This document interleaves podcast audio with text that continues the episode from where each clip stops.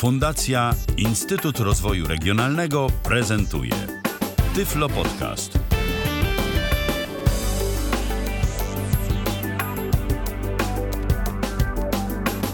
i 20.11 i który dzisiaj 13 lipca 2021 i coraz bliżej setna audycja, dzisiaj 92 audycja Tyflo Przeglądu. Dziś jesteśmy w składzie, w składzie niemal pełnym, jest Paulina Gajoch, jest e, jest e, Paweł, e, jest Paweł Masarczyk, jest Mikołaj Witajcie. Kołysz, jest Michał Dziwisz. Dzień dobry. Dobry I wieczór. ktoś jeszcze? I, I ja. ty. Czyli Tomek Bilecki, nie ma dzisiaj Roberta, nie ma dzisiaj Kasi. Ale jest Tyflo Przegląd. E, Jest Tyflo Przegląd, e, jest... No i będzie się działo. Co dzisiaj? A dzisiaj o tym opowiem ja, ale opowiem tak po prostu już bez efektów specjalnych. Będzie o Windowsie 11 i kolejnych e, nowościach, w tym Windowsie 11 e, w, będzie o tym, że w Twitterze nadal sporo się dzieje. Będzie mm, o, oczywiście o nowościach w, w dodatkach do NVDA. Będzie o kolejnym dostępnym instrumencie VST wirtualnym. Będzie o tym, że Brytyjczycy pracują nad w pełni udźwiękowieniem radiem ze wsparciem dla FM i DAB-u. Y, Będzie o, znowu kolejne dodatki do NVDA. Tych dodatków dzisiaj będzie troszkę. Y, O tym, że jest wola poprawiania dostępności ze strony CodePen, jeżeli to się dobrze na, tak y, mówi. Ciekawie newsa tutaj zatytułował Michał Elvis żyje i pozwoli przy, przynajmniej częściowo odzyskać wzrok.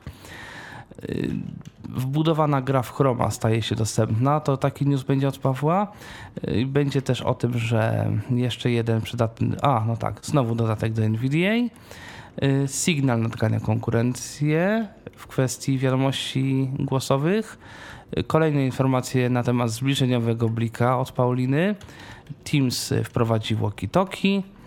Allegro wspiera dodatkowe opcje w kosztach, znaczy no w wysyłce, podczas wysyłki. No i będzie o ride.as,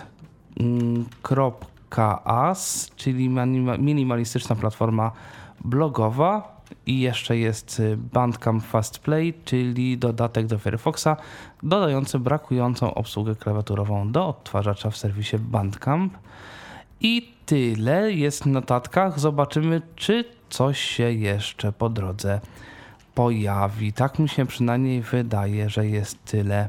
Mogą się pojawić oczywiście wasze komentarze, wasze telefony, kontakt tyflopodcast.net, tyflopodcast.net ukośnik Zoom i Facebook, bo tam jesteśmy, nadajemy, więc możecie również pisać swoje komentarze pod transmisją. A tymczasem zaczynamy od Windowsa 11, tematu, który się już cyklicznie pojawia od kilku tyflo przeglądów. Paulino, co nowego? E, najwięcej nowego dzieje się w poprawkach błędów, ponieważ mamy już drugi build insiderski Windowsa 11. Kilka błędów zgłosiłam i właśnie mm, te błędy, które mnie najbardziej irytowały, zostały poprawione. Mianowicie. mm, y, Kliknięcie prawym przyciskiem myszy lub y, wciśnięcie kontekstowego na pliku PS1 y, nie ma, y, jakby ma już opcję otwórz, uruchom w PowerShell. Nie trzeba udawać się do otwórz za pomocą i tam wybierać. Tam da więcej opcji. E, Jest naprawiony błąd, e, w którym nie można było uruchomić szybkich ustawień tam z e, panelu powiadomień, jak się wciskało Enter na przykład na e, Wi-Fi albo na e, głośności albo na różnych innych rzeczach, to się nic nie otwierało, teraz się już otwiera dobrze wszystko. E, Jest już naprawiony błąd, e, przez który niektóre kategorie ustawień były po angielsku zamiast po polsku.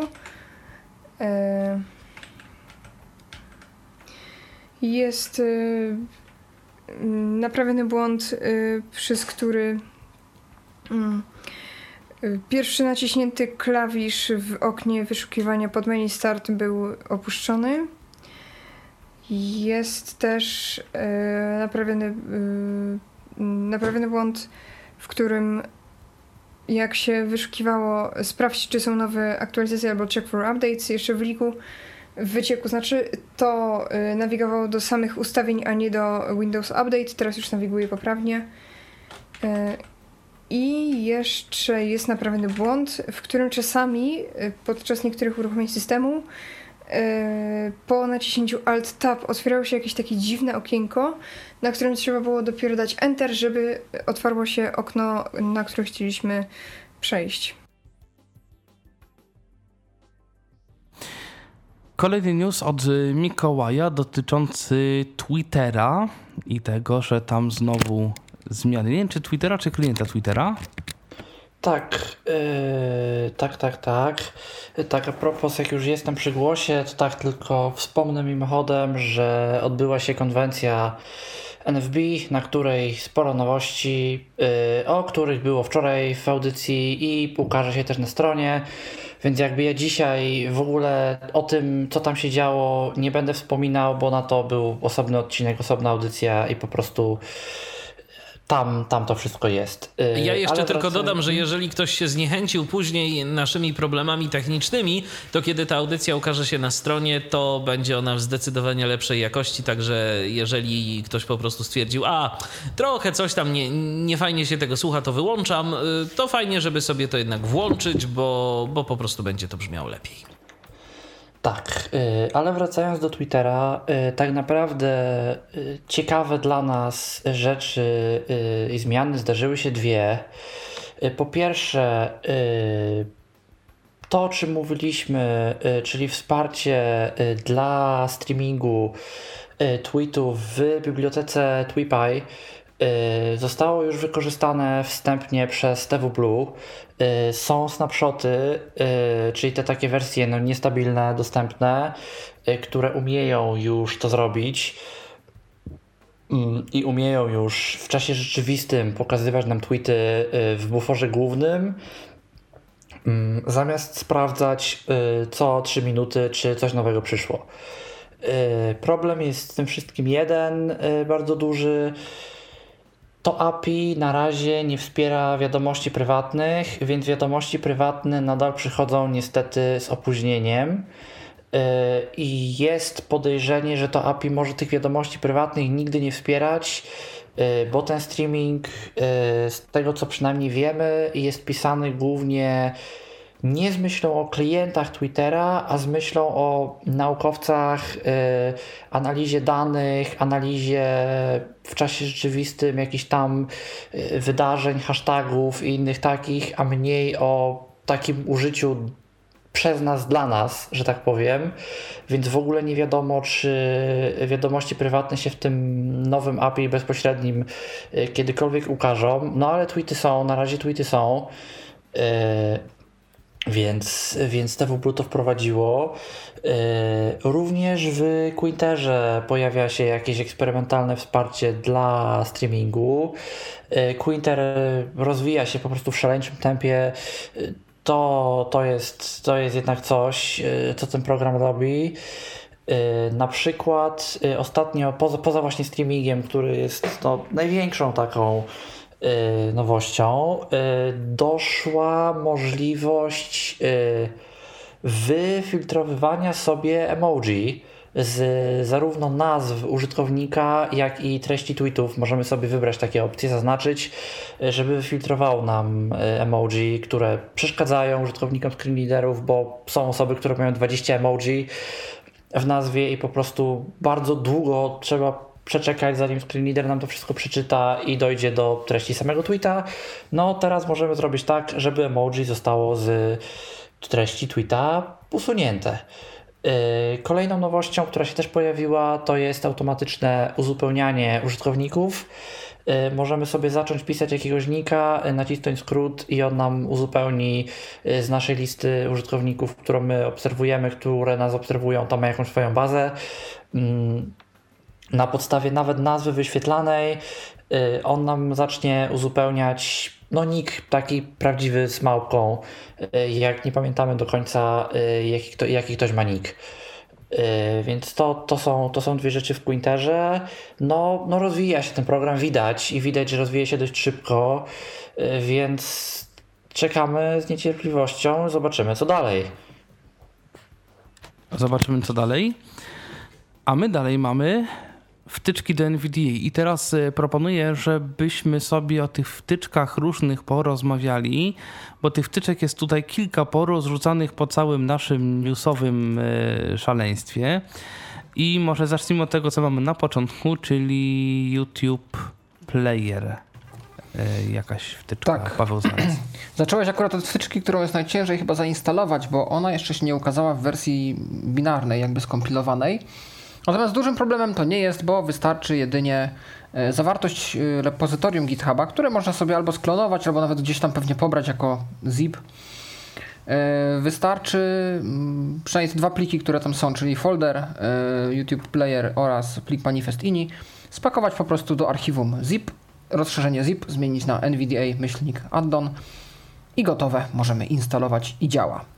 Wtyczka, jak nazwa wskazuje, pozwala nam na szybkie odtworzenie y, filmiku na YouTubie, którego link mamy akurat w schowku. Wtyczka jest autorstwa kogoś w Portugalii albo Brazylii, tak po języku wnoszę, więc komunikaty błędów są na ten moment również w tym języku. E, Skrót, żeby coś odpalić, to jest mm, NVDA Ctrl Shift H. I muszę tu przyznać, że trochę czasu to czasem zajmuje, ni- zanim się to załaduje. NVDA Ctrl Shift J i K to regulacja głośności, a NVDA Ctrl Shift K to stop. Na ten moment tyle jest. Nie ma ani opcji konfiguracji tych skrótów, nie ma ani żadnych ustawień. Yy, Nie wspierane są też inne serwisy, mimo że bazą wszystkiego jest yy, YouTube DL i biblioteka baz. Natomiast no może z czasem to się rozwinie, żeby też odtwarzać inne linki wspierane przez YouTube'a. Pożyjemy, zobaczymy, natomiast wtyczka jest ciekawa, myślę, że warto przyglądać się jej, e, jej rozwojowi, a bo jest to jedno takie jeszcze przydatne narzędzie, które, które mamy. Mm, Kolejną wtyczką, którą ja wrzuciłem też, jest wtyczka e, hiszpańska, jak zwykle, tego samego autora, co zwykle, czyli Hektora. E, Wtyczka, która pozwala nam przez ustawienia NVDA, przez skróty klawiszowe przemapować klawisz menu kontekstowego na coś innego. Jest to specjalnie e, przemyślane pod kątem komputerów lub klawiatur, gdzie tego klawisza nie ma. Alternatywny skrót Shift F10 nie w każdej sytuacji nam pomoże. No więc możemy sobie przemapować, żeby coś, coś innego nam za ten klawisz menu kontekstowego robił. Następnie wtyczką taką dość dużą, której na GitHubie nie ma, za to jest wątek na forum Audio Games, pewnie na którejś z list deweloperskich również. Yy, Wtyczka hostowana jest na Dropboxie. Mam nadzieję, że jak zaczniecie masowo ściągać, to linka nie odetną. Yy, Wtyczka nazywa się Object Enhancer i jest to taki zestaw narzędzi, który pozwala na to, na co już dawno temu pozwalał JOS, czyli z jednej strony etykietowanie, z drugiej strony przeklasowywanie różnych kontrolek. Wtyczka, która jest troszkę skomplikowana, bo tam trzeba wybrać jakiś identyfikator okna.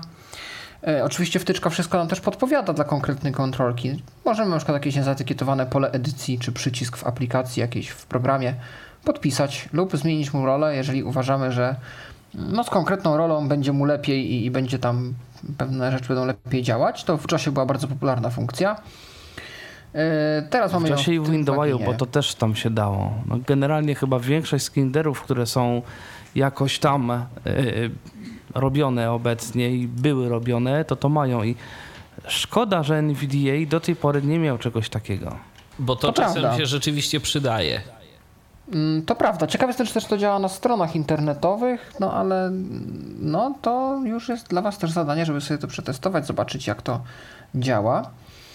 Yy, Następnie jest też wtyczka yy, Unicode ASCII. Wtyczka, która pozwala na przedstawienie dowolnego symbolu z zakresu Unicode w formie ASCII. Została ona stworzona po to, żeby przynajmniej móc odczytywać matematykę, którą się pisze w Unicode, bo Unicode ma cały zestaw y, symboli matematycznych, które z jakichś przyczyn nie są odczytywane przez NVDA domyślnie, a ta wtyczka pozwala nam przekonwertować szybko ten znak, żeby zobaczyć jego wartość w ASCII i w ten sposób sobie jakoś to przystosować, żeby screenreader nam to no lepiej czytał. To są moje wtyczki, ale chyba Paulina jeszcze ma jedną wtyczkę. Tak, Paulina jeszcze ma wtyczkę, na przykład Unigram Plus. Mm, tak, ten przykład jest jedynym przykładem wtyczek znalezionych przeze mnie w tym tygodniu. Natomiast jest to przykład bardzo wdzięczny, ponieważ już przeze mnie używany. Unigram Plus to jest y, wtyczka która właśnie, jak nazwa wskazuje, ma y, za zadanie y, trochę nam poprawić dostępność Unigrama. Po pierwsze, ona modyfikuje troszkę komunikaty, które są odczytywane przez screenreader. Trochę inna jest kolejność na przykład i, i tak dalej, ale po drugie ona ma też kilka interesujących skrótów i właśnie przeczytamy listę skrótów i funkcji. Mm, Alt plus 1 to jest mm, jakby y, umieszczenie fokusu na liście czatów. Alt plus 2 to jest y, ostatnia, y, pierwsza nieprzeczytana wiadomość w czacie. Nie, ostatnia przeczytana, tak. Mm, alt plus 3 to jest y, fokus na y, wi wiadomości nieprzeczytane. Y, Alt plus T mm, czyta nazwę czatu i aktywność, czyli na przykład, nie wiem, mm, osoba widziano o 14.53 na przykład. Mm, spacja odtwarza wiadomość głosową lub wideo, na której się znajdujemy. E, Alt plus P e, place slash pauza wiadomości. E, Alt plus E przyspieszenie lub spowolnienie. Alt plus E zamykamy odtwarzacz. Ctrl C kopiuje wiadomość, jeżeli jest tekstowa, na której się znajdujemy. Mm, Alt Shift C naciska przycisk połącz, połączenie głosowe. E, Alt plus Shift plus V e, połączenie wideo. Mm, Alt plus M otwiera menu nawigacyjne, tam gdzie mamy mm, czaty, zapisane wiadomości, ustawienia itd. Tak I chyba jest jeszcze jeden dodatek, bo nie pamiętam, żebyś Paweł mówił o tym konwerterze z ASCII na Unicode'a. Nie, no, mówił Paweł przed Był. momentem. Mówił, no właśnie. Ale jest tak jeszcze to... jeden dodatek, bo mm, chyba o nim nie było w zeszłym tygodniu, bo z tego co wiem to jest dość nowa yy, nowostka. Yy, NVDA Remote się ukazał w nowej wersji yy, 2.4. W ogóle NVDA 2021.1, wersja stabilna. Aktualizujcie wasze dodatki, bo jak nie, to wam przestaną działać bo wersja 2021.1 dość dużo w tych dodatkach zmienia. Mm. Ale w każdym razie y, nowy remote, jest nowy remote, y, wprowadza kilka, kilka rzeczy. No, najważniejszym, najważniejszą aktualizacją jest wiadomo kompatybilność z 2021.1. Mm. Druga kwestia to jest to są kwestie bezpieczeństwa, że przy łączeniu się teraz y, on tam ustala sobie jakiś y, klucz bezpieczeństwa i nas pyta, czy jesteś pewien, czy chcesz zaufać temu komputerowi, bo on teraz szyfruje, y, szyfruje nasze połączenia. Ja nie wiem do końca jak to działa, bo nie używam szczerze mówiąc w tym momencie NVIDIA i nie mam za bardzo jak tego przetestować ale wiem, że jest coś takiego y, i wiem, że użytkownicy na serwerach, y, które mają NVDA na jakimś Windows Server na to narzekają, bo podobno różnie to działa, więc jeżeli macie, to uważajcie. Yy, a trzecia kwestia związana z NVIDIA Remote'em, yy, podobno są w nim nowe dźwięki. Yy, tam, gdzie do tej pory mieliśmy piknięcia takie standardowe NVDA, teraz są dźwięki po prostu zwykłe, takie o. Więc no, jeżeli ktoś czuje się na tyle odważny, to może zaktualizować. W ogóle a propos jeszcze nowego NVDA, bardzo szybko, bo widzę, że mamy słuchacza na antenie takim małym, małą poradą dla tych, którzy obawiają się, że któraś z ich wtyczek, która nie dostała jeszcze aktualizacji, może nie działać. Tutaj takim popularnym przykładem jest wtyczka Clock. Czasami okazuje się, że wystarczy zmodyfikowanie pliku manifest ini i wpisanie, że najwyższa tam testowana wersja to jest właśnie ta 2021.1. Można na zapas wpisać też jakąś wyższą, która jeszcze nie istnieje, 2021.4 na przykład. E, I wtedy nam da spokój. Niektóre wtyczki w ten sposób działają. Nie wszystkie zapewne, ale część tak. Więc możecie w ten sposób spróbować. A tymczasem mamy słuchacza na antenie, jest z nami Krzysztof. Witajcie, witajcie. Nie wiem, czy mnie słychać. Czy Słychać. Nie? No to super. Ja tak y, dzwonię z takim pytaniem y, odnośnie aplikacji M-Obywatel. Y, no bo tak, już jestem szczęśliwie zaszczepiony drugą dawką dzisiaj i, y, i no i sobie y, chciałem, dodałem sobie właśnie tą szczep, y, zaświadczenie o tym COVID-zie do M-Obywatela, ale Zanim to dodałem, to oczywiście aplikacja mm, poprosiła mnie, żebym utworzył hasło do niej, wiadomo. I, mm, no i potem trzeba było się zalogować za pomocą albo profilu zaufanego, albo poprzez bank. No i ja się zalogowałem poprzez bank i właśnie się chciałem Was zapytać, czy jak już jestem zalogowany poprzez bank, to już z automatu ten profil zaufany jest utworzony, czy, czy to jest zupełnie co innego? Bo ja się logowałem przez bank. Jeżeli Eee. logowałeś się przez bank, to y, no, przez bank y, jest możliwość też utworzenia swojego profilu zaufanego na podstawie danych bankowych.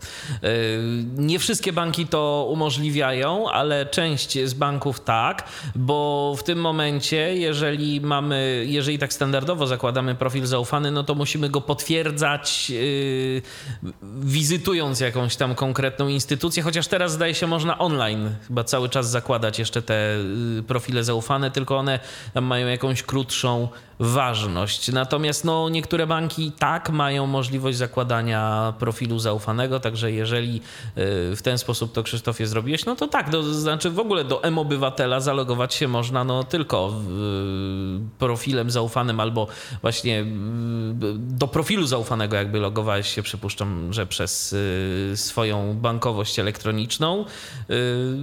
Więc podejrzewam, że tak, możesz sobie sprawdzić tę swoją e-tożsamość, czy tam się wszystko zgadza. Tam, y, jeżeli sobie dodasz to do aplikacji, no to wyświetlą ci się wszystkie twoje dane. To widocznie mi się ten profil zaufany Michalewy y, zrobił, dlatego że ja wcześniej tego nie miałem i oni mi jakieś wysyłali kody potwierdzające, że w ogóle ja to ja. Potem y, z pięć jakichś takich kodów, potem uwierzytelnienie, dodanie urządzenia jako urządzenia zaufanego. Poprosił mnie bank, że, że widzą, że się z tego urządzenia, czyli z iPhone'a często loguje, żeby, żeby to było jakby dla nich takie zabezpieczenie też. E, więc myślę, że ten profil już mi się też utworzył, bo teraz sobie wchodzę i, i patrzę i mam mój do, e, e-tożsamość. Tak, no to jeżeli masz bankowi tożsamość, no to, no to tak, no to, to musiałeś się zalogować profilem zaufanym. Mhm, mhm, mhm, mhm. Czyli jakby e, w- poprzez tą e, całą konfigurację tego e- e-obywatela z bankiem po prostu też Stworzyłeś sobie profil. Stworzył profil zaufany, co myślałem, że będzie trudniejsze, a jednak nie jest, ale no trochę trzeba temu poświęcić, żeby posiedzieć nad tym niestety i, Zgadza się. i to zrobić. Tak. Także, także no fajnie, fajnie to wszystko. Chociaż zauważyłem, powiem wam, że jak się wejdzie w tą e-tożsamość i sprawdza To voiceover strasznie zaczyna o, mulić. właśnie to. Tak, to jest Właśnie. znany problem od kilku wersji aplikacji M-Obywatel. Był też zgłaszany. No ponoć mają coś z tym zrobić, ale nie bardzo wiadomo, kiedy to nastąpi. No, bo to tak słychać, fliki są i, i to jak przes- przesuwamy palcem po ekranie, stukać nam stuka i zanim on nam powie, co... Tak, tak, tak. To Jest jest, to jest znany błąd. Znany błąd i znany problem. Tak, no i myślę, że, że to jak na razie ode mnie tyle, bo z, będę jeszcze testował. Dzisiaj będzie tylko przegląd nietypowo słuchany e, po części, dlatego że będzie słuchany, e, jakkolwiek by to zabrzmiało, w, e, w wannie, ponieważ nabyłem głośnik e, wodoodporny i zamierzam go dziś testować, więc zobaczymy, jak to będzie działało i myślę, że podzielę się z Wami e, wrażeniami następnym razem na temat tego głośnika, a może Wiesz, no z drugiej strony, jeżeli ten głośnik ma też mikrofon, to zawsze możesz do nas z tej wanny zadzwonić. A, no też też, też. I może się uda jakiś fajny od nim podcast zrobić. Ja go dopiero wczoraj nabyłem i zamierzam go dzisiaj testować, jak to działa. E, ale, ale myślę, że będzie fajnie, także ode mnie myślę na razie to tyle. To udanej kąpieli Krzysztofie życzymy. W takim razie pozdrawiamy i do usłyszenia. Pozdrawiam. A teraz chyba mój news. Mm, news y, oczywiście jak zwykle u mnie muzyczny. Kolejny instrument wirtualny staje się dla nas dostępny, pianotek i to jest pokłosie tego, o czym mówiliśmy, y, jeżeli no, mówiliśmy względem dostępności tego JUICa, czyli tego, tego takiego czegoś, co odpowiada za wygląd, czy w zasadzie za no, tą warstwę graficzną y, no, niektórych wtyczek VST, podobno całkiem dużej ilości. No i właśnie pianotek jest takie, taki, taka symulacja no, fortepianów elektrycznych, akustycznych, jakichś tam y, niektórych instrumentów perkusyjnych, marimba, vibrafon, jakieś stare fortepiany, klawesyny i tak dalej, i tak dalej. Ciekawe jest to, że tu w ogóle nie ma sampli, to jest wszystko generowane, to jest, to jest w to zaangażowana jest y, technologia tak zwanego fizycznego modelowania, czyli jakby wprowadza się do komputera obliczenia, które mają symulować drganie struny, pudła rezonansowego i tak dalej, i tak dalej, w związku z czym to wszystko można sobie zmieniać. No i to wszystko jest dostępne dla nas, dla niewidomych. Od wersji 7.4 tego pianoteka. I generalnie teraz jest y, taka dosyć ciekawa mm, no, ciekawa rzecz, bo na listach dyskusyjnych dla niewidomych zaczyna być coś takiego, że ludzie sp sprawdzają sobie jak ich VST-ki są zrobione, bo to się da sprawdzić po y, tak zwanej klasie okna na przykład. I jeżeli to jest właśnie ten JUICE, to na przykład wysyłają maile, wysyłają tweety jakby kierowane do deweloperów tych aplikacji, żeby uaktualnili swoje aplikacje do najnowszej wersji JUICE, bo wtedy jest szansa, że ta ich aplikacje, te, te, te muzyczne również będą dostępne. Też słyszałem, że taka y, jeszcze jest druga aplikacja dostępna, takie raporty pewnie będą spływać. E, mam nadzieję przynajmniej, że będą spływać co jakiś czas.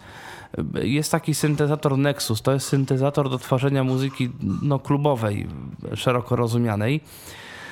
I oni mają taki, jak to większość aplikacji, mają taki swój, no powiedzmy, menedżer dodatków, rozszerzeń do tego syntezatora, ich jest ponad 150 i ten menedżer też stał się dostępny najprawdopodobniej za sprawą Y, właśnie tego Juice'a 7, znaczy nie 7, tylko tego nowe, tej nowej wersji tego Juice'a. W związku z powyższym, no rzeczywiście coś się dzieje y, i jest szansa, że rzeczywiście sporo oprogramowania zyska no jeśli nie całkowitą, to przynajmniej częściową dostępność oprogramowania muzycznego, co mnie osobiście bardzo cieszy. No i jeżeli będą kolejne wtyczki się pojawiały, no to też e, pewnie damy znać. Mm, zostajemy w, no w takim temacie około dźwiękowym, ale teraz dźwięk bardziej konsumencki. W pełni udźwiękowione radio ze wsparciem dla FM i DAB-u. Tutaj Paweł znalazł takiego newsa. Powstaje coś takiego. Tak, e, na razie nowość jest raczej tylko dla osób, które mieszkają w Zjednoczonym Królestwie Wielkiej Brytanii bo to właśnie tam e, firma, która to rozwiązanie tworzy, szuka testerów. To znaczy na razie szuka opinii o tym, na czym takim użytkowniczkom i użytkownikom by najbardziej zależało. A na podstawie tych danych będzie chciała przeprowadzić pewnie jakąś implementację już konkretnych jakichś funkcji. No, sytuacja wygląda dość ciekawie, bo mówimy o pierwszym prawdopodobnie na świecie radioodbiorniku, który ma wspierać zarówno FM, jak i DAB oraz pełne udźwiękowienie. No czyli na przykład synteza mowy, która by czytała nam e, nazwy stacji, całe informacje RDS, e, wszystkie dodatkowe rzeczy, które tam w DABie gdzieś wyskakują. E, fajna sprawa. Do tego pomysły, jakie są rozważane przez firmę, no nie wiadomo oczywiście, czy wejdą, na razie to jest wszystko planowane.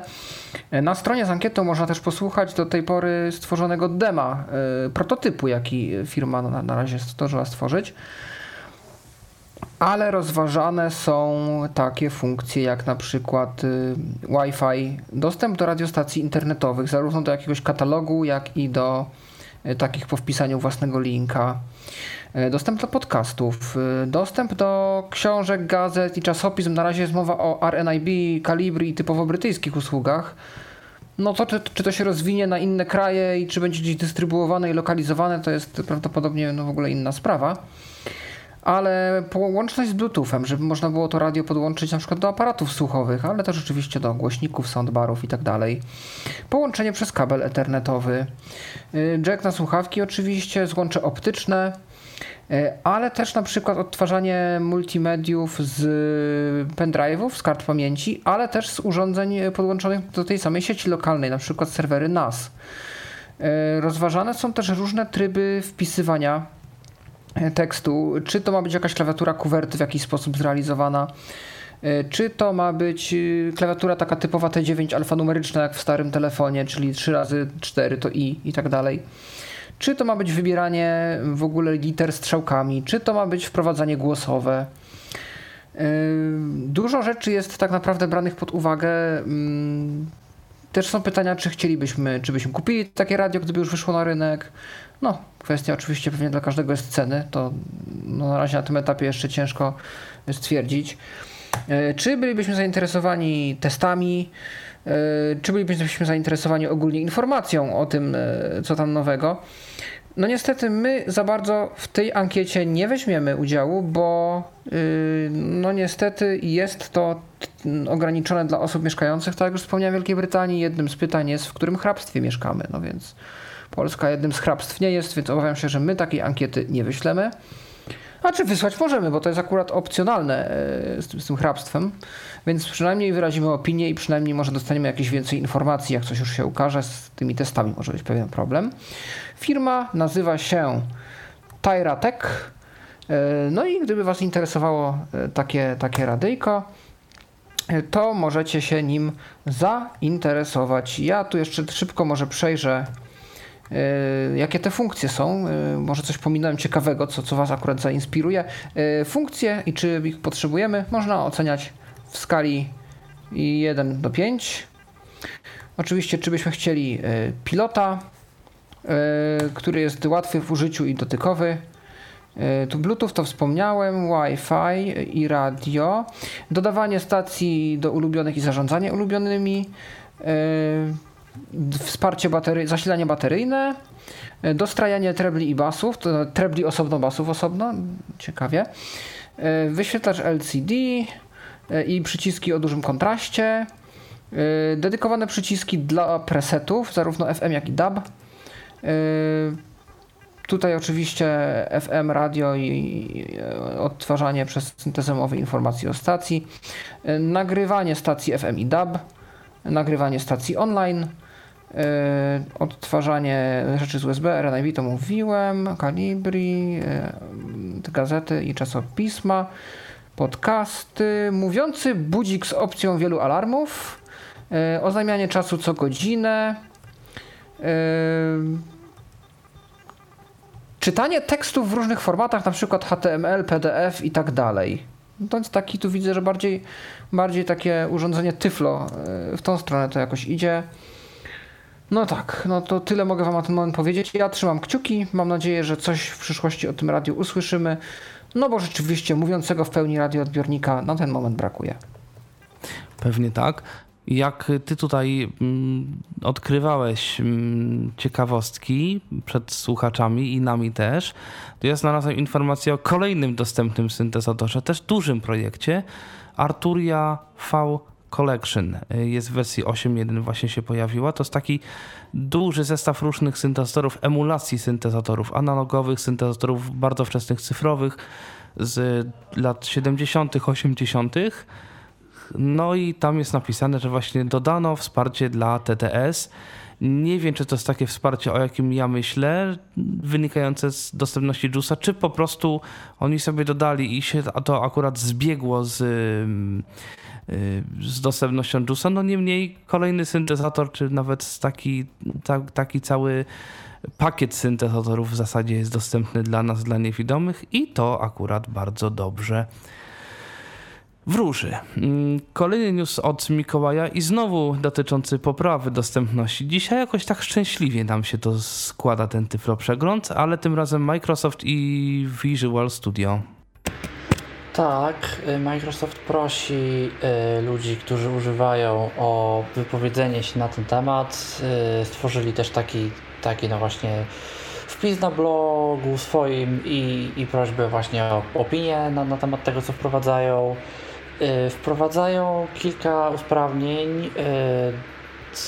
Te, o które, o które opisano, to są regulacja, regulacja szerokości wcięć wyświetlanych, to bardziej dla osób słabowidzących, dla których one po prostu za zajmują za dużo miejsca i chciałyby mniej. E, tryb e, Focus Mode, e, który też nam chowa z ekranu mniej potrzebne w danej chwili rzeczy, też właśnie raczej dla osób słabowidzących, żeby no więcej miejsca było na to, na co jest akurat w danej chwili potrzeba. Opcji, możliwość pogrupowania sobie opcji w ustawieniach, żeby było widać tylko opcje dotyczące jakby konkretnej kategorii w konkretnej, tak powiem, branży, i jedną z tych kategorii ma być na przykład dostępność, żeby można było po prostu sobie zebrać z całej konfiguracji, wszystkich możliwych zakładek, wszystkie opcje dotyczące dostępności i ustawić je, że tak powiem sobie naraz, jeżeli akurat tego potrzebujemy, żeby sobie można było wygodnie wszystko przejrzeć, żeby żadnej nie przegapić. Yy, I czwartą taką nowością, chyba dla nas najbardziej przydatną, Mm, lepsze wsparcie dla dźwięku, dla efektów dźwiękowych, dla jakiegoś, jakiegoś oznajmiania zdarzeń dźwiękami, oznajmiania elementów dźwiękami i proszą właśnie o no, feedback, o jakieś informacje, jeżeli ktoś używa tego produktu, yy, czy to byłoby dla niego przydatne, czy uważa, że warto coś takiego wprowadzić i ewentualnie zasugerowanie, gdzie i jak dokładnie by to widział. I kolejny news i znowu mm, rzecz dotyczy poprawy dostępności. Jest wola, dostęp, jest wola poprawiania dostępności ze strony CodePen. O co chodzi, to wie Paweł. E, to jest bardzo ciekawa historia, bo o tym doniósł, doniosła organizacja Equal Entry, która zajmuje się w Stanach też wprowadzaniem dostępności. Oni organizują mnóstwo ciekawych webinariów, w których czasem biorę udział. E, I oni mają też swój comiesięczny newsletter. No i tam dają znać, co tam w ogóle nowego się dzieje w dostępności, co tam u nich słychać. I opisali bardzo ciekawą historię. E, korzystali sobie kiedyś z serwisu CodePen. CodePen to serwis, który pozwala na demonstrowanie, jak e, zachowuje się, jak wygląda konkretny kod w kontekście stron internetowych. Czyli coś tam zakodujemy HTML, CSS, ARIA, JavaScript i tak dalej. I chcemy taki fragmencik, taki prototyp e, pokazać komuś, żeby, żeby sobie mógł to przetestować, zobaczyć e, jak to działa, jak z czego się kod składa i tak dalej. Na przykład demonstrację mm, klientom, firmom, dla których coś tam robimy i tak dalej. Oni pracowali nad jakimś projektem. Mhm. Bardzo często, e, tak dodając do tego, co ty mówisz, e, bardzo często się to stosuje we wszelkiego rodzaju materiałach, tutorialach, artykułach, jak coś zrobić, że no użyj tego i efekt będzie taki. Tu masz przykład. I e, zagnieżdżona ramka do, do, do właśnie tego typu strony. Dokładnie. No i akurat przy jakimś projekcie, nawet chyba rządowym, e, Equal Entry audytowali dostępność, pomagali ją implementować i skorzystali z CodePena. Okazało się, że tam było parę problemów z dostępnością po stronie tego, tej treści, która jest generowana, że jakby sam CodePen stwarzał problemy dostępnościowe w tej treści, które nie wynikały z błędów w samym kodzie. Głównie chodziło o jakieś kwestie wizualne, że tam coś się nie skalowało jak trzeba, coś się nie, nie przewijało, jakieś paski boczne źle wyglądały. Y, tam też coś z klawiaturą, znaleźli jakieś parę z nawigacją ze screenreaderami po tych y, snippetach, po tych fragmentach takich demonstracyjnych. Y, no i wypełnili na początek, mówili, bo no nie ma co szarżować od razu z jakimś pozwem z tytułu ADA i tam robić jakiejś całej afery. Zacznijmy od tego, że zrobimy ticket. Założyli ticket, oczywiście standardowa odpowiedź, że tam przekażemy do supportu, znaczy do supportu do deweloperów i, i tak dalej, taka formułka. Po czym nagle odezwał się do nich CEO całego projektu. Stwierdził, że on to w sumie by chciał im pomóc, że on w sumie by chciał tą dostępność zaimplementować, tylko oni nie do końca wiedzą jak. No i się okazało, że za chwilę kilka z tych błędów, które zgłosili, były naprawione. No i dlatego o tym opowiadam, bo firma CodePen jest otwarta na sugestie odnośnie dostępności tego, co robią. I gdybyście kiedyś mieli potrzebę skorzystać z jakiejś takiej usługi, nie wiem niestety jak to wygląda po stronie twórców treści, no to możecie spróbować CodePena i ewentualnie im zgłaszać, że coś się nie da, że coś nie działa. Ja widziałem taki embed, widziałem takie wcielenie ramki w jakimś tam przykładowym zastosowaniu. Wygląda na dostępne, można sobie obejrzeć efekt, można przełączyć na HTML, CSS i tak dalej, więc można sobie zarówno obejrzeć efekt, jak i podejrzeć kod. Fajnie, że takie rozwiązania są i fajnie, że ktoś pracuje nad tym, żeby były też dostępne. Tej tak sobie... Mhm. przestrzeni się całkiem fajnie, ostatnio całkiem fajne się ostatnio rzeczy dzieją. Yy, I to dobrze, te, te edytory, to wszystko, bo, bo ostatnio się rozpanoszyło yy, bardzo dużo takich materiałów, no raczej dla osób początkujących, które właśnie używają tego typu elementów. I mnie kiedyś ktoś zapytał, no czego by użyć, bo on by się chciał nauczyć programować.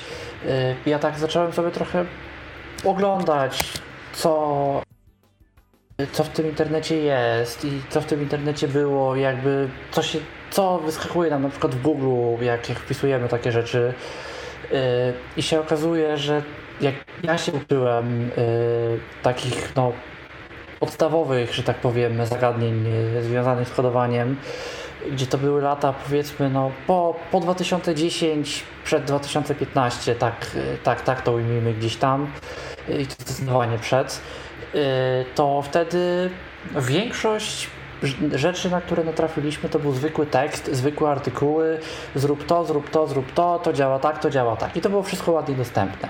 A teraz tu masz jakiś interaktywny kurs, tu masz wszystko na stronie, tu masz edytor na stronie, tekst na stronie, wszystko na stronie. A o dostępności to się niestety zapominało. I dobrze, bardzo, bardzo dobrze, że się coś w tej kwestii dzieje, bo ja już widziałem, że sporo osób y, początkujących się gdzieś tam zniechęca, bo zobaczą pierwszy wynik, drugi wynik, trzeci wynik i uznają, że w ogóle cała branża jest niedostępna, skoro te trzy pierwsze wyniki były niedostępne. Y, mimo, że to wcale nie musi być prawda. To się zgadza. Mm, generalnie, jeżeli chodzi o dostępność jakichś kursów, no to warto sobie w ogóle wszystkiego. No to niestety trzeba czasami no, sporo kopać w internecie, żeby czegoś się dowiedzieć, ale często można.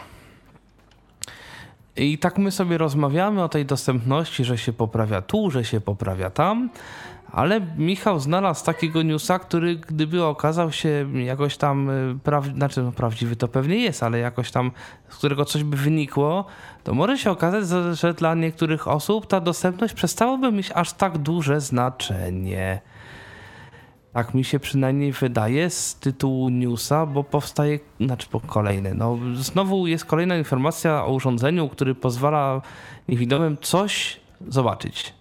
Coś zobaczyć, Co? tak. Y, to ja zatytułowałem tak tego newsa, tak clickbaitowo można by powiedzieć, że Elvis żyje, bo rzeczywiście urządzenie, o którym mowa, y, nazywa się Elvis, to jest skrót od Electronic Vision. Opracowali to urządzenie rosyjscy naukowcy. Mm, to taka ciekawostka. Y, Sensor Tech nazywa się to laboratorium, które jest odpowiedzialne za stworzenie Elvisa.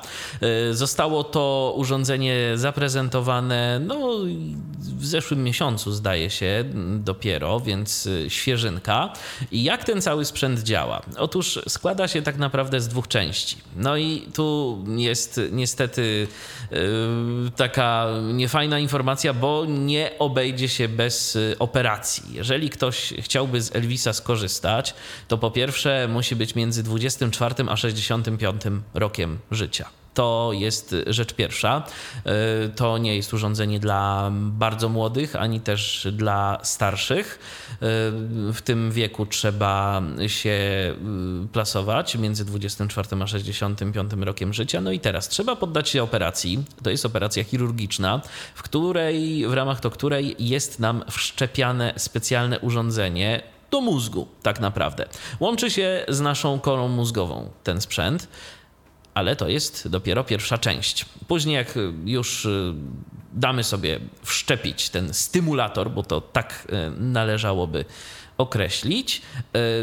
Doczepiane jest do tego mm, drugie urządzenie, druga część tego urządzenia, taka nagłówna opaska z kamerą. W artykule, w którym czytałem e, na temat e, tego sprzętu, to no, jest to przyrównywane do jakichś takich bardzo futurystycznych rzeczy e, rodem z Gwiezdnych Wojen. Także no, pytanie, jak się wygląda nosząc coś takiego na sobie. No ale kiedy to już wszystko na sobie zamontujemy, to zyskujemy pewien sposób widzenia. Celowo mówię pewien, bo jeżeli ktoś liczy, że za pomocą magicznego pstryczka yy, nagle zacznie widzieć wszystko, będzie widzieć kolory i tak dalej, czyli po prostu no, to pełne spektrum, nie. To ma za zadanie po prostu próbować przekazać przynajmniej kontury, bo działać to będzie na tej zasadzie, że ta kamera, którą nosimy na swojej głowie, no, łapie coś w obiektyw, następnie jest to przekazywane do tego stymulatora, y, a on za pomocą odpowiednich y, impulsów elektrycznych stymuluje te ośrodki w korze mózgowej, które są odpowiedzialne za widzenie. Więc tak można by trochę powiedzieć, że nam y, ten, że nam ten obraz z tej kamery to, oko będzie, zewnętrzne. Tak, takie oko zewnętrzne, że nam to będzie tak trochę po mózgu jakby rysowało za pomocą tych impulsów, tak bardzo obrazowo Ja jestem mówiąc. ciekaw, kto wpadnie na pomysł, żeby zamiast kamerki to podłączyć ten na przykład smartfona albo komputer i mieć obraz bezpośrednio ze smartfona w głowie. No to No, i tak. pytanie jak to będzie, i wiesz, pytanie też jak to będzie yy, no możliwe, bo zakładam, że na przykład kamera ma swoją konkretną rozdzielczość teraz yy, i ma tam jakiś protokół, za pomocą którego to wszystko jest wymieniane z tym No stymulatorem. pewnie Także jakieś to... tam, to tak jak w aparatach, do których na przykład można przecież podłączać, nie wiem, e, mają wejście słuchawkowe albo Bluetooth tak, po tak, prostu tak, i tam tak, jest tak. jakiś pewnie konwerter, Oczywiście. który to wszystko tam coś robi, żeby to jakoś tam działało. No ciekaw jestem, czy to będzie tak jak właśnie z aparatami, do których można sobie wpiąć e, urządzenie jakiekolwiek dźwiękowe. No zobaczymy, jak to będzie wyglądało. W każdym razie, no to jest rzecz jedna i jest jeszcze jeden minus w tym całym osprzęcie. Otóż trzeba go będzie wymieniać co 10 lat. Więc co 10 lat pacjencie zapraszamy na stół i operacja neurochirurgiczna, yy, w ramach której no, trzeba będzie coś tam grzebnąć w mózgu, wymienić ten sprzęt. No... Trochę strach, powiem szczerze, ale mo- może niektórzy No. się skuszą i, yy, i może ktoś nawet yy, z naszych słuchaczy yy, będzie chciał się poddać czemuś takiemu, zainstaluje sobie w głowie Elvisa i nam powie, czy to rzeczywiście działa i na ile. Czy Elvis żyje? Ciekawe, Czy Elvis żyje? Jeszcze. Ciekawe, jaka droga jest ta impreza. Właśnie niestety to nie zostało podane. No, podejrzewam, że z racji tego, że to są jakieś na razie prototypy i teraz będą szukali chętnych dopiero, no to za jakiś czas być może się czegoś więcej na ten temat dowiemy. W każdym razie, jak e, zapewniają naukowcy, którzy są odpowiedzialni za stworzenie Elvisa, e, ma on pozwolić na poruszanie się przede wszystkim w przestrzeni miejskiej bez konieczności używania jakiegokolwiek dodatkowego osprzętu czy oprogramowania. Także na tyle y, ten, y, te informacje wizualne przekazywane przez kamerę mają być użyteczne, że będziemy w stanie y, za pomocą tylko Elvisa sobie po mieście gdzieś tam chodzić. No ciekawe, ciekawe. No, pożyjemy i może zobaczymy. I może zobaczymy. Zobacz, tak, no właśnie. No to teraz wracamy do dostępności, bo znowu tutaj kolejny news a propos, a propos tego, że coś się stało dostępne, a ko- konkretnie wbudowana gra w przeglądarkę Chrome. Yy, może kojarzycie z różnych internetowych historii albo od swoich widzących znajomych, że jest taka gra w Chromie, w momencie kiedy internet nam przestaje działać, żeby nam się nie nudziło, jak tam strona się ładuje, czekamy aż połączenie wróci. Yy, pokazuje się taki dinozaurek, którym trzeba skakać w odpowiednim momencie, żeby on nie upadł i się tam zbiera punkty. Yy, Dzięki tutaj Piotrkowi Miachaczowi, który też nas często słucha za tweet, okazuje się, że ktoś e, na audiogamesach odkrył, że ta gra w ogóle jest dostępna. Jak chcecie sprawdzić ją bez wywoływania efektu braku połączenia internetowego, to w waszym Chromie wpiszcie sobie po prostu chrome, dwukropek dino, naciśnijcie Enter, załaduje się wam aplikacja i w momencie, kiedy na, tym, na tej aplikacji, bo to jest jakby komponent na stronie, naciśniecie Enter, y, rozlegnie się dźwięk i w momencie, kiedy usłyszycie taki wyższy dźwięk, to są takie 8-bitowe dźwięki, to naciskacie spację, żeby podskoczyć tym, tym dinozaurem. Trzeba to chyba zrobić w miarę szybko, y, żeby on tam gdzieś nie spadł. W razie jak spadnie, otrzymujemy komunikat, że koniec gry i nasz wynik to ileś tam punktów. Ot, taka ciekawostka. Taka prosta gierka. Fajnie, że Google pomyślał o tym, żeby taką zabawkę, takiego easter egga też zrobić dostępnym. To dobrze świadczy o kierunku, w jakim zmierza dostępność. To się zgadza. No i ostatni news. Ostatni news. Nie wiem, czy taki wesoły, ale może Mikołaju, cała nadzieja w tobie. Discord kapcza przy logowaniu. Tak. Yy, I to nie jest od razu powiem uniwersalne. Ja na przykład y, ostatnio miałem potrzebę się zalogować i nie miałem tego problemu, ale już z kilku stron y, doszły do mnie takie informacje, że niektórzy ludzie taki problem mają. Nie wiem od czego to zależy. Y, że Discord przy logowaniu wyświetla hakapcze. Panie, to nie starego. A to? Tak z pół roku już to mam. A to jest interesujące, bo mi to trzy osoby powiedziały w ciągu ostatnich dwóch tygodni. Mi się to do tej pory jeszcze nie zdarzyło, a ty miałeś to od pół roku, więc to jest ciekawe. Y, w każdym razie okazuje się, że nawet jeżeli jesteśmy albo z apki mobilnej, albo z apki komputerowej, y, jesteśmy w stanie wejść, dostać accessibility cookie. Y, na tej stronie, no to zwykle dostajemy, prosimy o accessibility cookie, dostajemy maila, klikamy w linka, i mimo, że zrobimy to no, inną aplikacją, zrobimy to powiedzmy przeglądarką, a my się logujemy do aplikacji Y, na desktopie y, powinno nam to zadziałać. Warunek jest jeden, y, musimy to zrobić wszystko z tego samego adresu IP.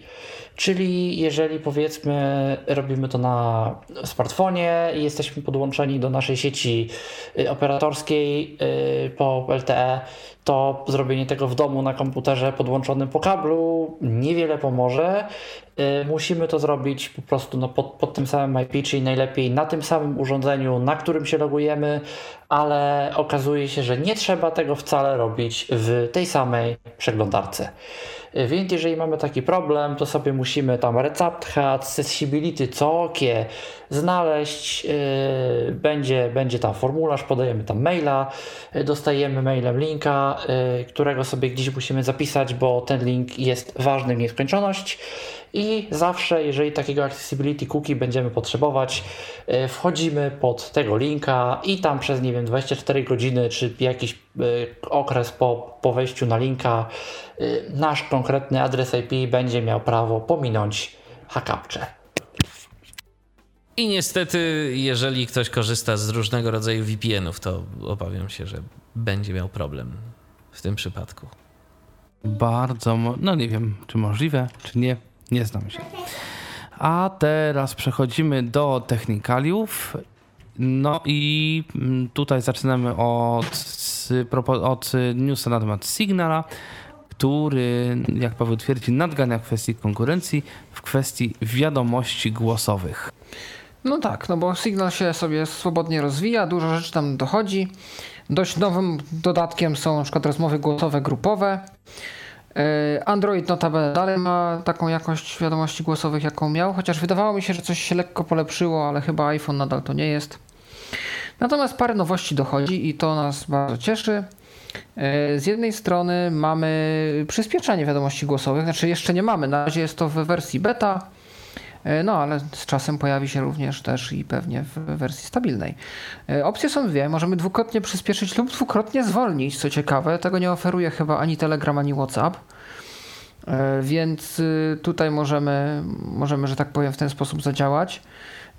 Motywacja jest taka, żeby do zwolnienia przede wszystkim, żeby spróbować lepiej zrozumieć osobę, która w jakiś tam niewyraźny sposób trochę może mówi albo trochę za szybko. E, drugą rzeczą a propos wiadomości głosowych, która w sygnalu od teraz będzie, e, jest możliwość utworzenia, a raczej możliwość taka, że automatycznie powstają szablony wiadomości głosowych, y, szkice w momencie, kiedy na przykład ktoś do nas zadzwoni albo wyjdziemy sobie przez przypadek z aplikacji. Czyli tak, w WhatsAppie coś się stanie, nie dokończyliśmy naszej wiadomości, to ona się nie usuwa, tylko zostaje nam jako szkic i możemy ją wysłać. Y, trzecia rzecz to znany z Telegrama player, który będzie przez całą aplikację nam towarzyszył. Jeżeli sobie puściliśmy wiadomość głosową i przejdziemy do innych czatów, y, to wiadomość będzie dalej grała, a playerem u góry będzie można swobodnie y, nawigować i zarządzać odtwarzaniem, procesem odtwarzania takiej wiadomości. Dobrze, że takie funkcje docierają, zwłaszcza, że Signal się staje coraz bardziej popularny. No miejmy nadzieję, że to wszystko będzie się dalej rozbudowywać na lepsze. Jeżeli mowa o Telegramie, to ja ostatnio zauważyłem, zresztą nie tylko ja, że ten player na iOSie to gdzieś się schował. E, I teraz to jest problem generalnie z Telegramem i z wiadomościami głosowymi na Telegramie, z wiadomościami oczywiście długimi, e, których e, na przykład nie chcemy albo nie możemy odsłuchać za jednym razem, bo nie ma żadnego mm, sposobu, a przynajmniej ja go tak na szybko nie znalazłem, na zapauzowanie odtwarzania tej wiadomości, bo dwukrotne stuknięcie na wiadomość na Telegramie powoduje rozpoczęcie jej odtwarzania od początku.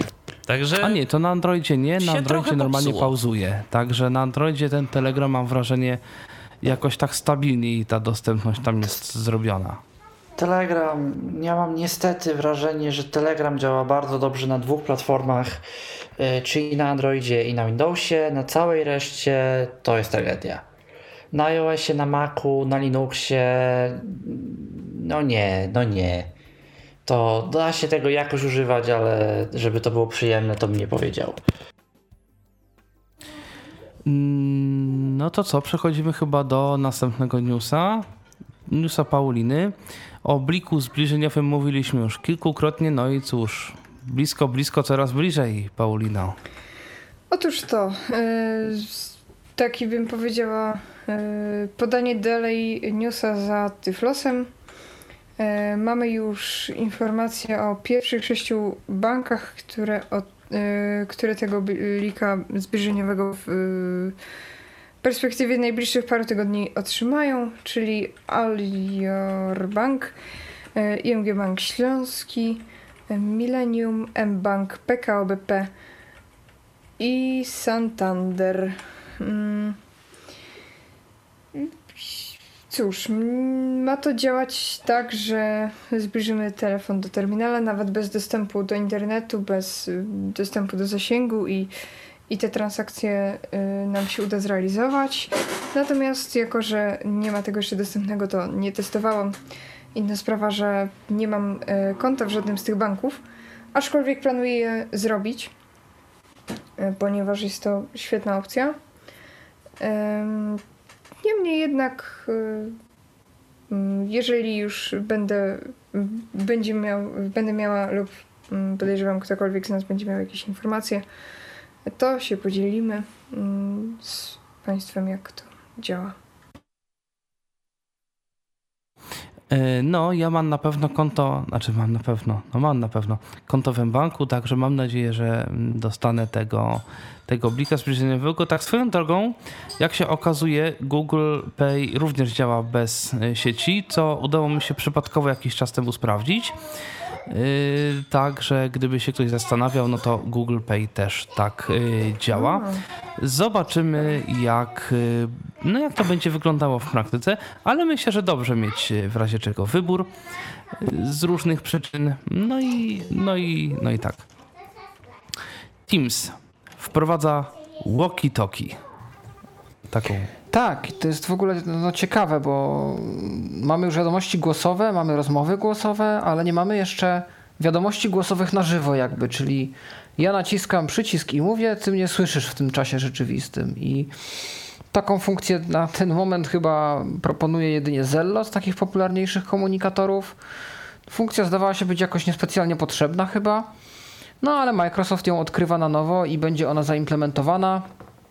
E, na początek, bo to już we wrześniu nadchodzi, w pewnych urządzeniach, na przykład w Samsungach typu Xcover, które mają dedykowany przycisk do, do Teamsów, który na razie służył no, głównie temu, żeby mm, przełączać status mikrofonu w spotkaniach, a teraz będzie służył właśnie też do walkie-talkie.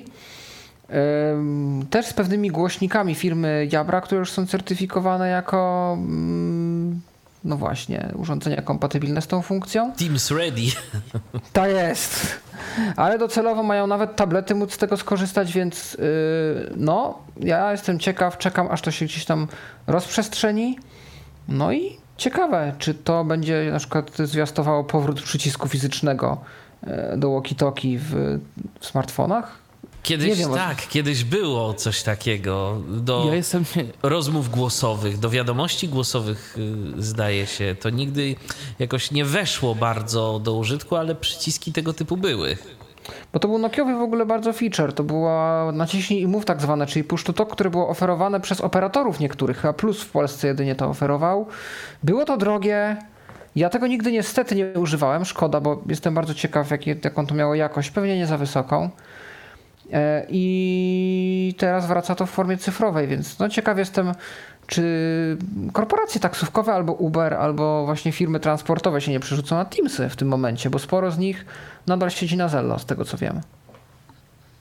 Ja jestem ciekaw, czy skoro Microsoft, to czy też inni giganci typu Google, mm, Apple i tak dalej pójdą za, za ciosem i zaczną też y, no właśnie, Apple już ma. Ale Apple ma tylko chyba w ramach rodziny, tak? Dobrze w rozumiem? Watcha. Y, nie, to jest to, to walkie-talkie na FaceTime takie śmieszne y, i to chyba tylko na Watchach działa, bo to właśnie idea jest taka, że nawet telefonu nie trzeba wyciągać, tylko że ma się Watcha na ręce, można zadzwonić do kogoś przez apkę walkie-talkie i no nie wiem, znaleźć się, rozmawiać ze sobą w jakimś tam celu po prostu watchami. Tak, ale jakby wiesz, chodzi o to, że tu jest to wbudowane w duży komunikator, który używa ileś osób, tak? Jakby to nie jest to, że pobierz aplikację, tudzież uruchom specjalną do tego aplikację, tylko masz to w, w, dużym, całym, wielkim ekosystemie. Nie wiem, czy w Apple'u tak aż to jest integrowane. Na razie może wspomnijmy, że to tylko chodzi o Teamsy te płatne, subskrypcyjne z Office 365, więc e, no. Mhm.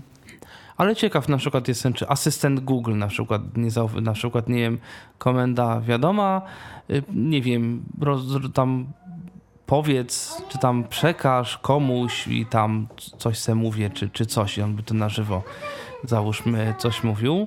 Bo ja sobie na przykład to nawet wyobrażam y, do jakichś takich rzeczy, na przykład mm, no mało osób to ma coś takiego, ale u nas na przykład w domu jest sobie głośnik Google Home Mini i na przykład gdy ktoś idzie, nie wiem, do sklepu, ja bym mógł nawet nie to, że dzwonić tam do siebie do domu i pytać, słuchajcie, co tu jeszcze potrzeba, tylko mógłbym po prostu się pytać, tak, przez to walkie-talkie. Wystarczyłoby, że ktokolwiek z domowników by usłyszał, no i można by zrobić taką króciuteńką Y, rozmowę pod tytułem słuchaj, bo trzeba jeszcze tam coś do domu. Bo... Ale chyba jakiś interkom jest, tylko nie wiem do końca jak to działa i czy to w Polsce jest, ale jakiś chyba interkom wydawało mi się, że był. Znaczy można zadzwonić mhm. y, z asystenta czy tam z czegoś na głośnik, ale to trzeba zadzwonić i ktoś mhm. to musi odebrać. To jest okay. nadal taki ale model, że Tego nie ma, interkomu nie ma? Nie widziałem, to znaczy, no właśnie, nie widziałem. Na Apple, Pawle, na okay. tych y, HomePodach. W porządku, w porządku. Tam jest, owszem, w ogóle na urządzeniach y, Apple i to interkom jako interkom jakby sam w sobie jest owszem w rodzinie. Y, to jest owszem w rodzinie. I to można iPhony, Watche, samochody nawet, chyba jeśli ktoś ma ten CarPlay Apple'owski w samochodzie, to też są z tym kompatybilne. No i to jest ciekawe. E, następny news mój dotyczący Allegro. W zasadzie to jest coś, co ja odkryłem dosłownie wczoraj. Natomiast e, funkcja nie wiem od kiedy istnieje. Być może to jest jakieś moje odkrycie, a wszyscy o tym doskonale wiedzą. E, do tej pory nie zdarzyło mi się kupować dużego AGD przez Allegro z uwagi na to, że no właśnie, wydawało mi się, że w Allegro nie mogę na przykład sobie zaznaczyć funkcji, znaczy funkcji, opcji wniesienia albo montażu, albo czegoś tego rodzaju. Natomiast okazuje się, że się da, przynajmniej no, o ile to sklep oferuje. I no, teraz właśnie kupujemy sobie coś, o czym pewnie będzie mm, jakiś tam podcast w jakiejś tam przyszłości. I właśnie widziałem, że podczas mm, wysyłki, tam wtedy, kiedy były te wszystkie opcje tam płatności, czy wysyłka kurierem, jakim kurierem i tak dalej, była taka opcja, znaczy było coś takie pole do zaznaczenia, dodatkowe opcje, zaznaczyłem to sobie. No i właśnie pojawiły się dodatkowe dwa przyciski opcji, wniesienie i drugi przycisk tam instalacja slash montaż. Yy, także no gdyby ktoś się tak zastanawiał, czy na pewno kupować przez Allegro, bo, bo nie będzie tego wniesienia, no właśnie okazuje się, że to może być. E, co prawda patrzyłem kilka sklepów i nie, no, zdecydowanie nie wszystkie oferują taką opcję, ale no co najmniej jeden sklep widziałem, który to oferował. Nie wiem na ile to jest popularne, bo aby to zobaczyć, to trzeba jakby kliknąć w kup teraz i da się z tego co prawda wycofać, no ale trzeba by tak naprawdę każdy sprzęt zacząć kupować przynajmniej i w tym, tam gdzie się wybiera te wszystkie płatności, tam można zobaczyć te dodatkowe opcje. Niestety nie ma tych opcji wyprowadzonych gdzieś tam na stronę przedmiotu, typu, że na przykład no, wysyłka kosztuje tyle, a wniesienie kosztuje tyle, a montaż kosztuje tyle, a coś tam jeszcze co kosztuje tyle w razie czego. To tak dobrze to nie ma niestety. Mm, mam nadzieję, że kiedyś się pojawi, no ale na razie nie ma. A teraz y, dla tych, którzy chcieliby blogować w taki minimalistyczny sposób, Michał znalazł write.as. Tak jest. To jest y, system, który jest oparty na takiej platformie, która się nazywa e, Write Freely, e, writefreely.org i za pomocą tej platformy można sobie postawić, e, oni tam nawet podają przykład komputerka Raspberry Pi, swój własny serwer blogowy, który jest taką aplikacją, którą się po prostu uruchamia i ona sobie tam pracuje jako ten serwer i możemy coś takiego wystawić na świat, ale jeżeli nie chcemy się w to bawić, no to mamy właśnie platformę WriteUs, czyli write.as i możemy tam publikować. Możemy publikować e, zarówno na naszym własnym blogu, możemy publikować e, po prostu jakiś taki konkretny post, coś na zasadzie RWTXT. E, możemy też nawet w opcji płatnej to już jest, ale dodać sobie jakąś tam naszą własną domenę i mieć bloga w, utrzymywanego w tej domenie. Natomiast co mi się bardzo podoba, to że jest to tak minimalistyczne, no, że się po prostu y, prościej nie da pole edycji, piszemy nowego posta, dostajemy u góry, na samej górze strony, pole edycji i piszemy tytuł posta w pierwszej linijce, reszta tekstu w Markdownie. No czegoż więcej potrzeba. Jeżeli ktoś chce naprawdę mieć bardzo proste narzędzie do publikacji, albo jakąś taką prostą platformę, którą e, postawi na własnym serwerze, no to myślę, że warto się tym zainteresować, bo to może być coś. A Markdown, no to jest system prostych e, znaczników, e, których w zasadzie każdy jest w stanie się nauczyć i pisać, pisać i jeszcze raz pisać, jeżeli ktoś ma co. A my mówimy i mamy co mówić i będziemy teraz mówić o wtyczce, o wtyczce do Firefoxa, do Bandcampa. Mich, konkretnie Paweł będzie mówić. E, tak, to wszystko się wzięło od no, moich własnych też obserwacji, ale dyskusji znowu na forum Audio Games, gdzie a propos tej wtyczki Object Enhancer ktoś zapytał, czy tą wtyczką dałoby się przeklasować przycisk na Bandcampie, m, mm, tak żeby m, mm, przycisk play, przycisk odtwórz, e, żeby był regularnym przyciskiem i odtwarzał. Bandcamp jest taką platformą, która służy niezależnym mm, artystom, do promowania swojej twórczości muzycznej. Można taką, takiej twórczości tam oczywiście słuchać, sobie ją streamować, a można sobie ją również kupić w formie plików, czy to MP3, czy FLAC yy, i wesprzeć w ten sposób yy, swojego ulubionego twórcę. Yy, można tam nawet zadeklarować w niektórych przypadkach swoją cenę, czasem jest cena minimalna, można zadeklarować wyższą, jeżeli uważamy, że muzyka tego konkretnego twórcy jest więcej warta. Jest tylko jeden problem jest przycisk play, no i fajnie, tylko że jak go klikamy, to się nic nie dzieje. I były różne sposoby, żeby jakoś wykombinować, żeby no wiadomo, coś tam yy, jakimś klikaniem myszą, jakimś nie wiadomo czym i ktoś się zastanawiał, czy taką wtyczką można by jakoś przeklasować, żeby ten przycisk działał. Co prawda odpowiedzi nie uzyskaliśmy chyba, natomiast ta osoba właśnie pisała, że na ten moment korzysta z jakiejś wtyczki do przeglądarki, która symuluje te wszystkie akcje odtwarzania, przełączania między utworami i tak dalej. Ja sobie sprawdziłem jedną z takich wtyczek. Jest to Bandcamp Fastplay. Jest to wtyczka dla Firefoxa, dla Chroma pewnie też trochę takich wtyczek jest, trzeba by poszukać w sklepie, w Chrome Web Store. E, I ta wtyczka dodaje nam e, właśnie kilka komend na klawiaturze, czy skrótów powiedzmy, które pozwalają nam tym procesem odtwarzania zarządzać. Mamy to skonfigurowane tak, że przycisk, e, że spacja robi nam za play pauzę, Q przełącza nam na następny utwór, a D na poprzedni. Nie wiem czemu akurat tak, bo to nie, nie wiem z jakim odtwarzaczem mi się to powinno kojarzyć. Natomiast tak jest, no i tyle. No i nie jest to może idealne rozwiązanie, bo trzeba najpierw odpalić literą Q jakąś tam następną piosenkę, a potem D wrócić na tą poprzednią pierwszą, na której jesteśmy. Ale jak już zaczniemy, to możemy spokojnie całym procesem zarządzać i się nie musimy martwić o to, mm, czy nam aktualnie coś zagra, czy nie, jak klikniemy play.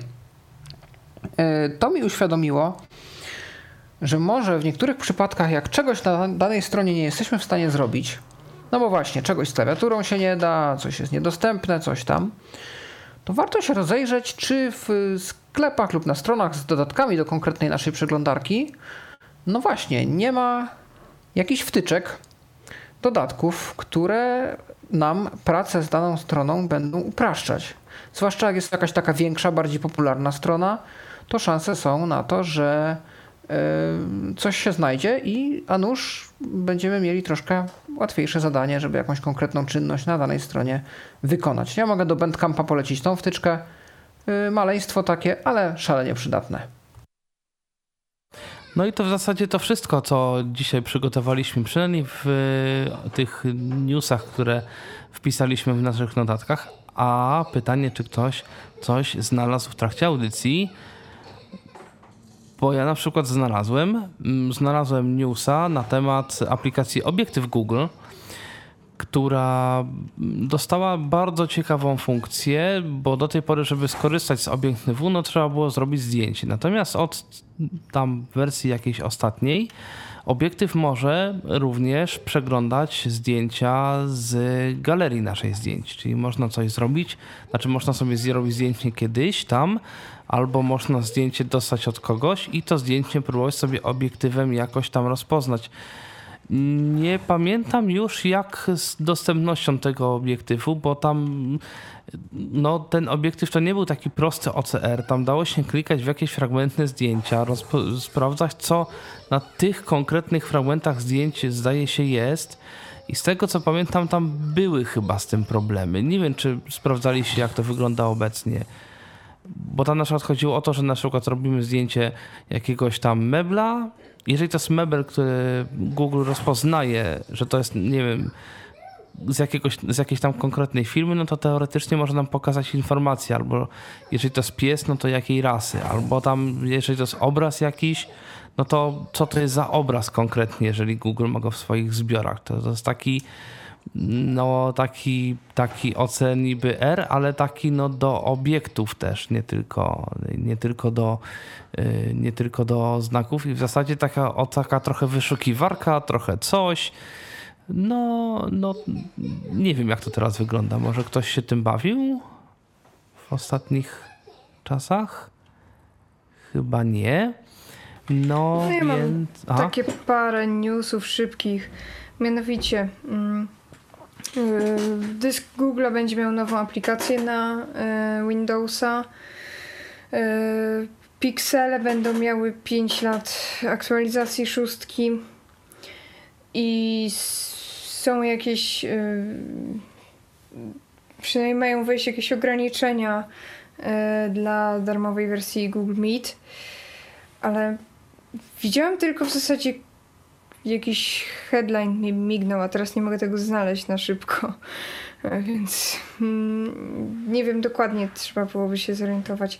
No ale dlatego taki szybki news um, ewentualny. I chyba tyle newsów. Dzisiaj jakoś krótko. 21.25.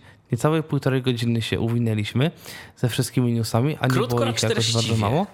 Acz treściwie. I w sumie tak dość pozytywnie. Jakoś wyjątkowo pozytywna ta audycja, mam takie wrażenie. Yy, No i no, kończymy w takim samym składzie, jak zaczęliśmy. Paulina Gajoch, Michał Dziwisz, Paweł. Maszarczyk, Mikołaj Hołysz. Do usłyszenia. Ktoś jeszcze? Oprócz mnie? Chyba tylko ja zostałem. No to do usłyszenia za tydzień. Był to Tyflo Podcast. Pierwszy polski podcast dla niewidomych i słabowidzących. Program współfinansowany ze środków Państwowego Funduszu Rehabilitacji Osób Niepełnosprawnych.